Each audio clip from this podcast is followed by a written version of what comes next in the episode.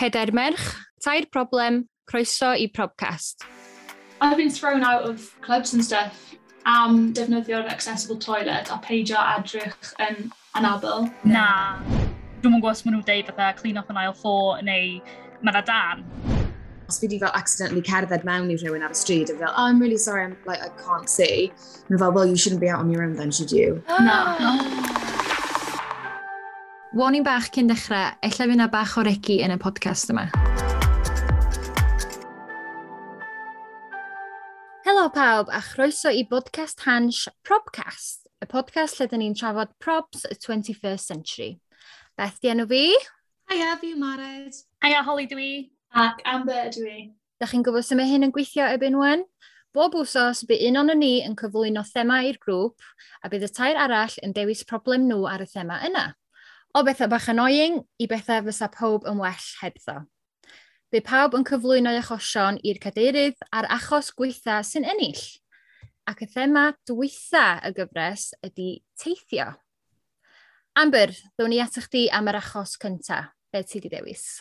OK, mae gen i bowel disease, right? A fel lot o anableddig arall, mae fe'n gallu bod yn bach yn stressful, yn gadael y tŷ ac yn like, gwneud plans a pethau fel yna. So, rhywbeth fi'n casau am teithio yw'r holl situation toilet. Like, bydd na toilet, bydd na toilet afiach, bydd rhaid talu, bydd na cyw, mm. holl bethau. Ond ni'n mynd i dweud shit, literal, yna. Ie, yeah, mae fe jyst yn really stressful a like, why can't everyone just have a nice toilet? Is it much to ask? Mm. Felly, ie, yeah, clod fi teithio yw tai bach ac yn enwedig tai bach mingin. Mae public toilets mor few and far between wan. Maen nhw gyd jyst yn cael ei demolisio. A dydyn nhw ddim yn, mm. dos am digon o lefydd neu athach i fewn heb fel bytana, for example. Mm. So mae, oh, fe dyma arjyn efo'n anodd ydy hynna i chdi. Ie, yeah, a hyd yn oed, like, hyd yn oed toilets ar trains a pethau fel yna, maen nhw jyst yn shit, literal shit. Mm. Maen nhw'n horrible. Maen nhw'n mor horrible. Wyt ti beth yn cael fel gyda accessible toilets? Ugh, like weithiau fi'n angen defnyddio un o'n nhw just cos maen nhw'n haws i ffeindio neu fel mae'n llai stressful pan ti'n methu gweld like mae pethau'n fwy consistent like whatever your reason is if you need an accessible toilet you need an accessible toilet ond fine don't question me ond pan ti falle ddim yn edrych fel mae rhywun yn stereotypically disgwyl i ti edrych fel pan ti'n mynd mewn i accessible toilet, maen nhw'n mynd yn really grac gyda ti ac yn challenge o ti a gofyn pam wyt ti'n defnyddio'r tu bach yna achos mae'n cael ei you know, cadw ar gyfer rhywun sydd actually angen e. Di pobl yn actually deu hynna? Yeah, all the time. Yeah, fi wedi cael fe like, like, I've been thrown out of clubs and stuff am defnyddio'r accessible toilet a peidio adrych yn anabl. Na. Yeah. Yeah, it's like. And like accusations like delio drugs, cael rhyw, mm -hmm. and lle just actually angen a disabled toilet. Yeah. Oh my god. I know. Mae pobl yn really fel... Thick. Yeah, yeah. Small-minded, wow. Yeah. yeah, really small-minded. Oh my god, mae'n terrible. Yeah, a maen nhw'n meddwl bod nhw'n like, neud pethau really, like rhywbeth really da am y cymuned. Like, yeah. yeah. like justice. Yeah. yeah. Ac yn y situation yna, sa chi yn teimlo well yn fatha, sa chi'n defendio chi hunan a eich prwfio fo, sa chi just fatha yna adi hyn yn wertho? Wel, mae'n ma anodd. Sa'n gwybod sut ti'n teimlo. Pryd bynnag fi yn gweud wrth y pobl, well, actually, I'm registered blind, so I have every right to use it. Maen nhw'n naillai gweud fel bod nhw ddim yn credu fi, neu maen nhw'n gweud prove it, which, you know, fi methu, really. Os so, so, cario fel proof. Ag neu fi hyd yn oed i cael, dim ar gyfer ti bach, ond os fi wedi fel accidentally cerdded mewn i rhywun ar y stryd, a fel, oh, I'm really sorry, I'm, like, I can't see. And fel, well, you shouldn't be out on your own then, should you? no. yeah, mae pobl yn mynd yn really defensive, achos bod nhw wedi gwneud oh. rhywbeth neu cael ei dal mas, neu bod e'n mynd yn really awkward. Mae pobl yn mynd yn really ableist yn really gyflym. Mm. Mae'n shocking. Pobl arall efo disabled toilets ydy, da chi fod rydach chi? Ie. Yeah. Na, Wel, da chi rioed wedi iwsio reidag hi tra bod rhywun yn y disabled toilet? Cos mae literally yn agor y disabled toilet, no matter what. Na. Na. Na, mae hwnna ddim yn hoio. gymaint o weithiau. Fatha, da chi'n nocio a jyst i weld os mae rhywun yna, cos o'n i'n gwybod fel, oce, okay, dwi'n gwybod mae hyn wedi digwydd o blaen, so dwi'n mynd i wneud eto. So dwi'n nocio wan cyn mynd i fewn. Ond weithiau, fatha, for example, os o rhywun yn had of hearing mm. yn y toiled, yn defnyddio toiled, so nhw'n mynd clywed y knock.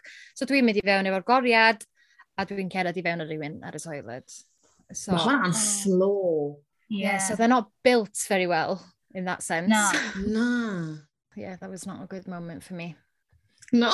no. Yeah. All them, I'm sure. Na, o them, yn nhw rhywle aros yn gweud yr un stori. yeah. OK, okay, wwan mae'n amser am gwestiwn yr wsos, lle da ni wedi gofyn cwestiwn i gynulleidfa hans. Wsos yma gofyn ni faint ohonyn nhw sydd wedi ffeilio driving test. So, beth ydych chi'n meddwl ydy'r percentage? Wel, ddydyn fi wedi profi dros y chwech penod diwetha bod fi ddim yn nabod cynulleidfa hans o gwbl. Um, so fi ddim yn credu bod fi'n mynd i ddyfalu o gwbl. Dy un y cant, probably, who knows? yeah, dwi, yeah, not feeling the confidence yn hwn. Um, Dwi'n mwyn gwybod, fatha dwi'n teimlo bod yn uchel, but I mean, dwi wedi dweud na, a gyfer mm. pob penod. oh, yeah, yeah. um, ond, dwi fatha, dwi'n nabod lot o bobl sydd wedi gofyn neud o fatha dwi'n neud tair gwaith. So hmm. dwi'n dwi gwybod. Dwi'n gofyn os yw myth, os mae myth yw hyn, ond apparently mae ma rhaid i nhw ffeilo 30% pob mis neu rhywbeth fel na. What? But like, yn ysgol pan oedd pobl yn ffeilo, o'n nhw fel, oh, it's only because, only because I have to fail 30%, not because I've drove badly, fath beth. Ydy hwnna'n cop-out? Oh! Dwi'n yn gwybod. Ie, mae'n o'n cop-out. Ond fi'n mynd i dweud 30% sydd wedi ffeilo, just achos hynny. 30, oce. Okay. Yeah. Marid? Fi'n mynd i weid... Ti'n sicr un? Um, un y cant, ie. Yeah. okay. A Holly? Strong and wrong. Right. Dwi'n mynd i... Oh. Dwi'n mynd i ddeud 60 y cant. Okay, dwi yn terrible o maths, ond yr ateb ydy 46%. Been terrible at maths fyd, so... One of you is right. One of you is closer. One of you Yeah. who's not me is right. Yeah, yeah, yeah. Not a science podcast, not a maths podcast. Yeah, clearly not. Dwi'n meddwl Holly ydy'r agosau, I think. Ooh, Diane Harry. Yeah, Diolch. Holly. Da iawn. Holly sydd y heroes ys yma, yn cwestiwn yr wsos. Ond out of curiosity, faint o'n chi nath beilio'r tro gyntaf? Nes i actually paso, believe it or not. Nes ti paso first time? Yeah, somehow. Da iawn. Da iawn. Dwi dal yn dysgu, so who knows when I will pass. Maen nhw ddim yn gadael i pobl fel fi gyrru, so unfortunately, byddai byth yn cael. Ond fi physically yn gallu gyrru car. Fi wedi wneud e. Don't tell anyone. Ond ie, yeah, fi ddim yn cael, so mae'n siom achos I reckon byddwn ni'n really good driver, minus the ddim gallu gweld lle fi'n mynd thing. Byddwn fi'n really dda. Ti wedi gyrru unrhyw beth oh. arall? Might be a stupid question, ond on, chi'n gallu, like, I don't know, gyrru, like, electric scooter neu unrhyw beth fel na? Sa wedi trio, fi'n cofio fel, o'n i was yn okay yn fel quad bikes a that kind of thing. Ond, again, it's the seeing where you need to go challenge, you know? Ddim yn wych yn hwnna yeah, understandable. Hyn o'i beic, you know, like... Fi ddim yn really gallu gweld mwy na, like, medr o flaen fi. So, fi ddim yn credu wow. dylen ni mynd ar rhywbeth sydd yn symud yn gyflymach na fi'n gallu dal i weld. Like, you know, mae ma cerdded yn, yn, yn fine. We'll, we'll stick to that challenge. OK, a nôl i'ch achosion chi nawr. Holly, chdi sy'n nesaf. Ella bod hwn yn rhywbeth eitha penodol i bobl sy'n efo anastere clywed, neu'n fyddar, ond dwi'n teimlo fatha pob person sy'n siarad o tanoi, ddim yn siarad iaith, mae'n unrhyw un yn deall. Mae nhw'n siarad rhyw iaith hollol diarth, dwi'n convinced. Achos dyn nhw ddim yn gwneud unrhyw sens o gwbl, maen nhw fatha rhyw...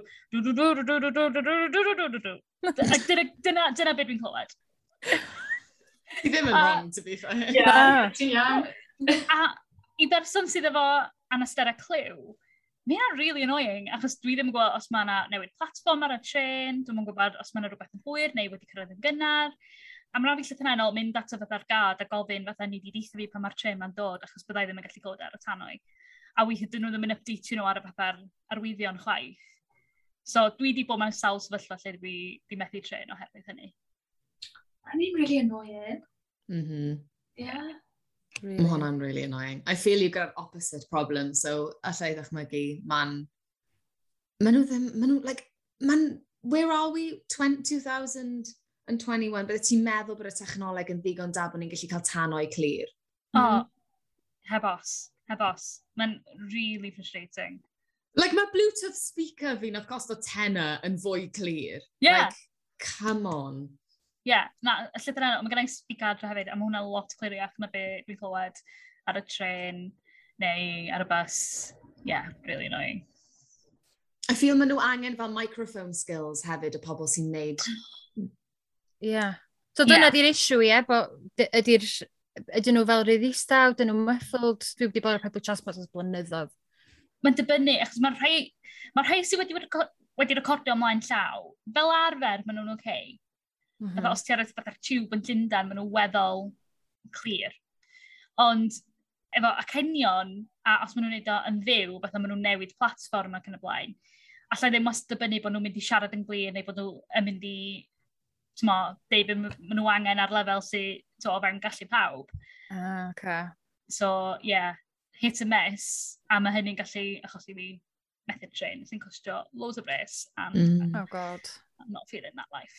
Ond i'n really annoying yn fel supermarket pan maen nhw'n dweud like, nid pethau pointless, ond pethau pointless fel, can so-and-so go to till number six? A, it, like, yeah. ti'n sefyll na and like, shitting yourself, like, what have I just missed? Fel beth. Wel hwnna, neu mae'n ma actually'n poeni fi, achos os dwi'n y supermarket a maen nhw'n gofod evacuatio am rhywbeth, neu rhywbeth wedi digwydd, a maen nhw'n deud rhywbeth dros y tanoi, fatha, dwi'n mwyn gwybod os maen nhw'n deud fatha clean off an aisle 4, neu mae yna dan, ti'n mo? Mm. A mae'n un peth fatha, efo evacuations, fatha os ti'n mynd y deilad, a mae'n rhaid ti'n gwneud fatha emergency evac, weithiau dwi'n mwyn clywed ar alarm. Dwi'n mwyn gallu clywed fatha alarms penodol iawn. So fatha, os mae o, a fatha alarm sy'n blerio, dwi'n mwyn gallu clywed hynna, ond dwi'n gallu clywed cloch. Oh, okay, yeah. So, mae'n dibynnu. Wow. Ie, yeah, a ti gorfod fel, it's all well and good bod nhw'n fflachio a stwff, ond ti got, it's got to be within your eye line, otherwise ti ddim yn mynd i sylweddoli. Na, hmm. na. So mae'n rhaid i gael rhywun fatha i deitha fi, Holly, there's an alarm going off fatha. Holly's run. yeah, quite literally. Mae pobl fatha, fatha loudspeakers ac yn wave yn fi fatha, really, yeah, but has to be done. Has to be done yn anodd car. Mae dim yn gwybod am chi, ond pan o'n i'n byw yn uni halls, oedd alarms yn mynd bant like, trwy'r amser fyd. Mm. Oh, well, again, I think yn dwi'n uni drop out, ond pan o'n i yna, o gyda'i thing oedd yn mynd dan y gwely, oedd yn vibratio, oedd yn codi fi fyny'n ganol nos os, os oedd y fire alarm mynd off. Oh, wow. Oh, Mae'n really cool, yeah. So yeah. oedd o'n really cru, fatha earthquake. achos, well, yeah. Ond oedd y fyny achos oedd yn gwneud fatha really fatha high, high pitch squeal a fatha yn vibratio ac oedd yn codi fi fyny bob tro i bod yn dig. Well, yeah, it would. But bit annoying hefyd, fatha pedwar gwaith y nos. Yeah. Yeah, I can imagine. Mae jyst fatha, did, pam... Mae'n annoying bod ni, fatha, fatha nath Mara dweud, da ni'n byw yn y 2021 a da ni'n meddwl am pethau fatha, o, oh, os da ni deud hyn ar y tanoi, mae'n rhaid ni wneud yn siŵr i updateio fo ar fyma so bod nhw'n gallu gweld at least. Mm. Yeah. So simple, mm. but yeah, well. Ond ni ddim yn meddwl am unrhyw un arall sydd yn fel profi'r byd mewn unrhyw ffordd sy'n wahanol i ni. Ni just mm. ddim like, mm. ni just beth yn. No. And yeah. I think achos bod ni gyd yn bobl sydd fel gorfod meddwl yn wahanol, so ni'n fwy considerate o'n gilydd, ti'n sylweddoli pethau falle bach mwy, ond os ti erioed ti gorfod wneud hwnna, I think ti just genuine, mae ddim un oed bod ti'n berson cas, ydyn fi, ti just genuinely ddim yn meddwl. Mm. Na, no, mae'n lived experience yn dydi, ti'n mm. mond yn mm. gwybod beth, be ti wedi profi dy hun. Ie. Yeah. Yn gwaith, mae dan like, gyd o'r offer really cool yma, like spectral gwahanol sy'n like simulator um, like fel ti'n ared like gwahanol um, beth ti'n galw e like Nam golwg? Yeah, not just nam golwg, yeah, like loads o pethau gwahanol a like mm. headphones gwahanol a like pethau chi'n rhoi ar like bysedd ti, like rhoi arthritis i ti a like loads o pethau wow. Hmm. gwahanol. Mae fe'n really handy, like to think the general public, mae angen i nhw like cymryd dydd allan i wneud pethau fel yna. Mm. Be, So, sa'ch sa ni'n reid o on am ond reid dangos i chi sy'n mae arthritis yn teimlo fel?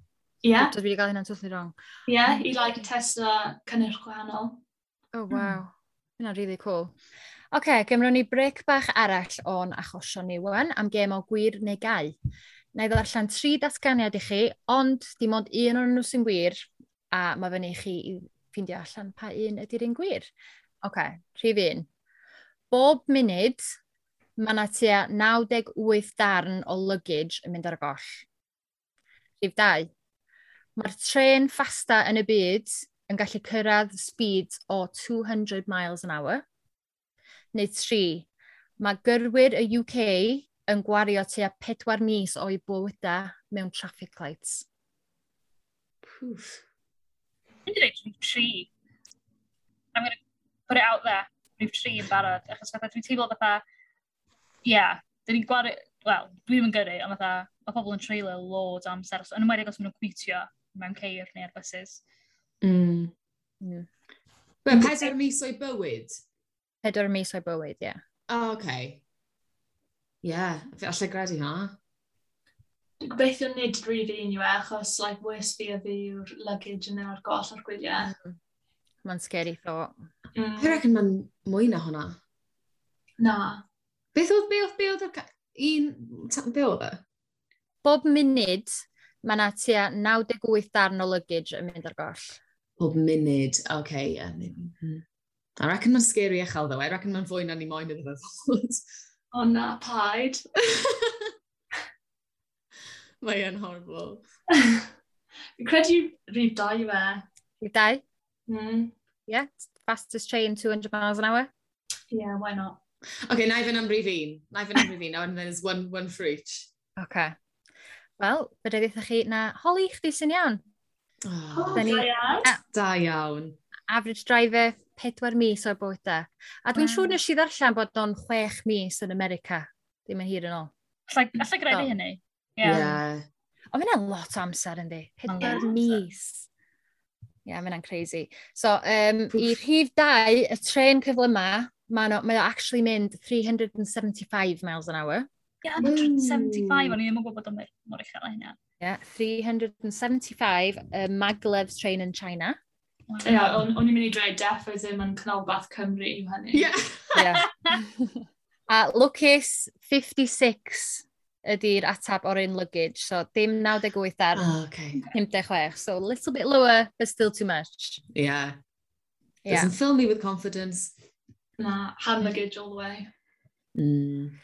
Okay, a chdi sy'n mynd ola wsos yma mared, be wyt ti ddewis? So, fi wedi dewis, ond eto, loads i ddewis o. Ond, I think i fi, y peth mwyaf yw pobl. So, mostly pobl sy'n gweithio ar public transport neu mewn fel airport neu station.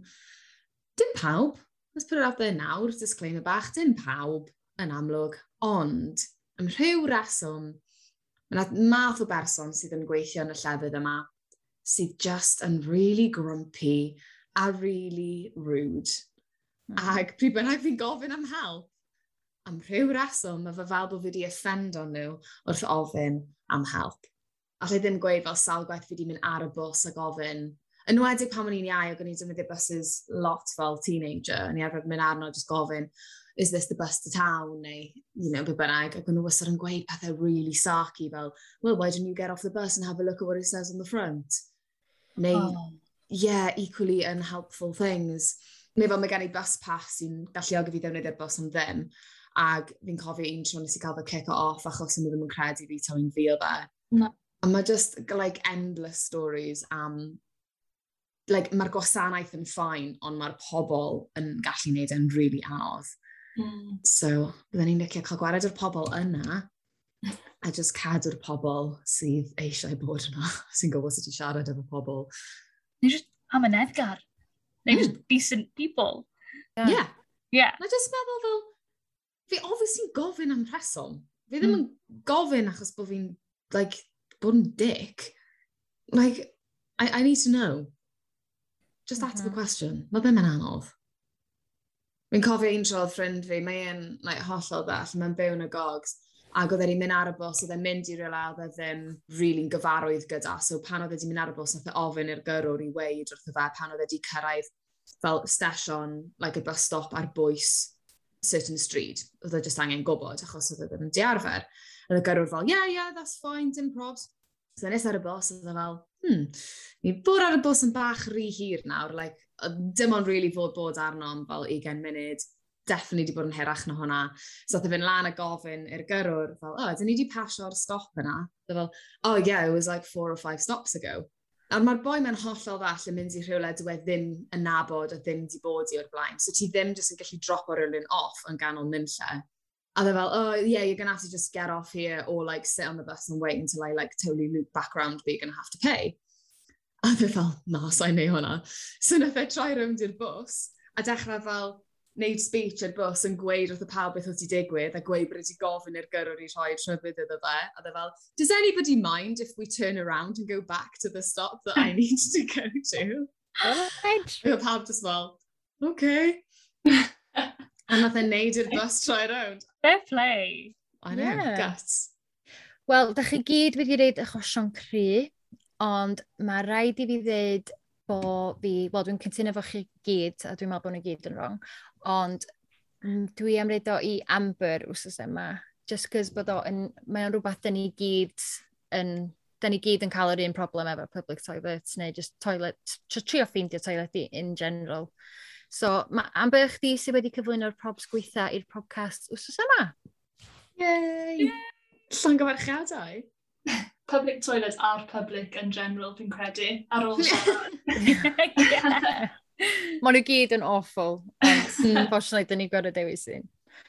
Ond diolch yn fawr iawn i chi gyd am rannu'ch probs chi dros y chwech penod dwytha yma. Uh, dwi wedi really enjoyo fo. Mae di bod yn, mae di bod yn really hwyl. O'n i'n actually ddim yn expectio fo fod mor hwyl. O'n i'n, oedd y bar yn quite uchel, ond ydych chi wedi exceedio y bar. Oh, diolch. Oh, diolch. Ie, yeah, mae wedi bod yn really nice cael fel outlet o'r rhywle ni gyd yn mm. gallu dod at ein gilydd, cwyno at ein gilydd, yeah. a wedyn teimlo'n well, a haf cael laff. Ie, yeah, mae'n rhaid i gyfadda fatha, pob tro dyn ni'n gorffen fatha recordio sesiwn o'r podcast, dwi'n teimlo fatha, o, oh, yn hapusach. Mae gennau mwy o ffydd yeah. yn pobl, falle mwy o ffydd yeah. yn y byd, dwi'n mwyn gwybod yeah, definitely. Yn hapusach am gael rant. Yeah. yeah. man, apparently mae'n really dda i ti. It's great. Yeah. O'n i'n meddwl fi just fatha, oh, friends, podcast friends. Ond na. okay, we're all, we're all like in it. It's all good. A diolch yn fawr iawn i chi gyd adra am rando i un probs ni. Gobeithio ydych chi wedi mwynhau y cyfres yma o Probcast. Gallwch chi rando nôl i'r holl gyfres a'r blwyddyn da ydych chi yn gwrando. Hwyl am nawr!